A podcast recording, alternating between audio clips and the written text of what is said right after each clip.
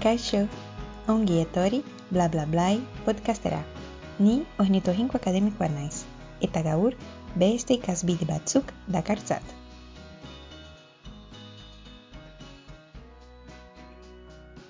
Hizkuntza bat ikasten ari garenean, motivazioa izan ezik, hizkuntza horrekiko jokaera ere aldagai garrantzitsuenetarikoa da. Ala dio Stephen Krashenek linguistikako ikerlari batek. Adituaren arabera, prozesu hori iragazki baten antzera ulertu beharko genuke. Hau da, emozioek hizkuntza bat bere ganatzeko prozesua oztopatu edo eraztu dezakete. Hori dela eta, emozio negatiboak antxietatea, azerea eta azperdura zaiestu egin behar ditugu ikasketa prozesuan.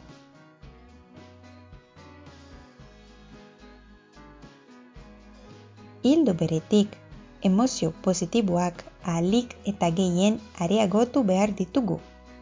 Gaurko zaioan emozio positiboriek sortzeko zer egin dezakezun azalduko dizut.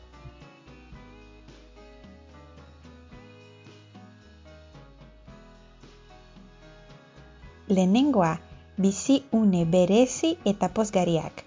Maitasunare man baten antzera, une alaiak partekatu behar dituzu hizkuntzarekin.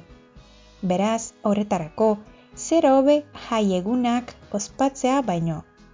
Ospakizun horiekin ospakizunaren jatoria, abestiak, dantzak, dagozkion janaria eta edaria, ezagutuko dituzu.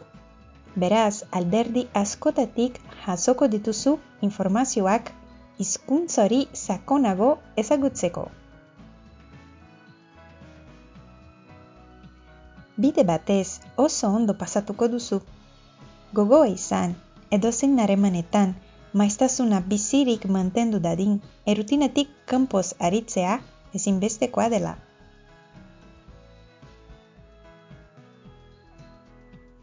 Bigarrena, murgildu historian. Erialde baten historia eta garapena ezagutzea baliagaria izan daiteke zurikaz prozesuan. Kultura horren lanak hobetu uler ditzazun. Erialde batek, norekin haren manak izan dituen jakinez gero, hitz zein atzotitz batzuen jatoriari buruz pistak izango dituzu. Gainera, hizkuntza baten literatura oroar iztuki lotuta dago bere historiari. Horela, lantzen dituzten gaiak hobetu ulertuko dituzu.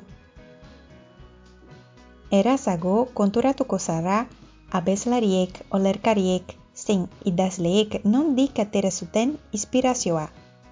Era berean, gerta dakizuke zure kulturari buruz zerbait ikastea.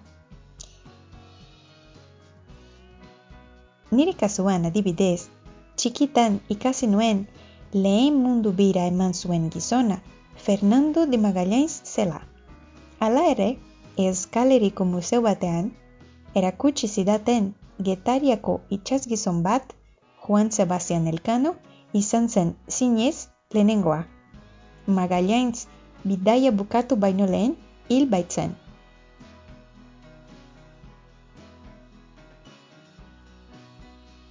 Hirugarrena, kultura horren maixulanez gozatu. Kultura baten artelanek gizartearen pentsaera izlatzen dute. Irudi, soinu eta kontakizunen bidez, kultura horren zarbidea izango duzu. Oroi pentsati horietan, irarita daude hainbat bizipen eta ahaztu ezin diren eskarmentuak. Horez gain, Erialdi honetan musika edo zine jaialdiren bat dagoen jakitea komeni zaizu. Edo ta aztertu zein diren hizkuntza horren literatura zaridunak. Zein da jende hori gehien gustatzen zaion musika mota. Artelan horiek ezagutuz gero, ziur nago bertako jendearekin hobetu elkarru lertzeko gai izango zarela. Laugarrena, egin lagun beri hizkuntza partekatzeko. Gizakiok animalia sozialak gara. Txikiak naiz helduak garenean, guri eginkizun guztiak izatez elkartean bizitzeko egokituta daude. Gure izaera alderdi horretaz, baliatu beharko genuke, mintza lagun bat izan da. Ez du pertsona natiboa izan behar, bigaren hizkuntza horretaz aritzeko prest dagoen norbait izatea nahikoa da. Ikusiko duzu ikaskide bat izateak zure motivazioa handituko duela eta askoz erazago gogoratuko duzula benetako elkarizketa batean erabili dituzun hitzez eta ezamoldez.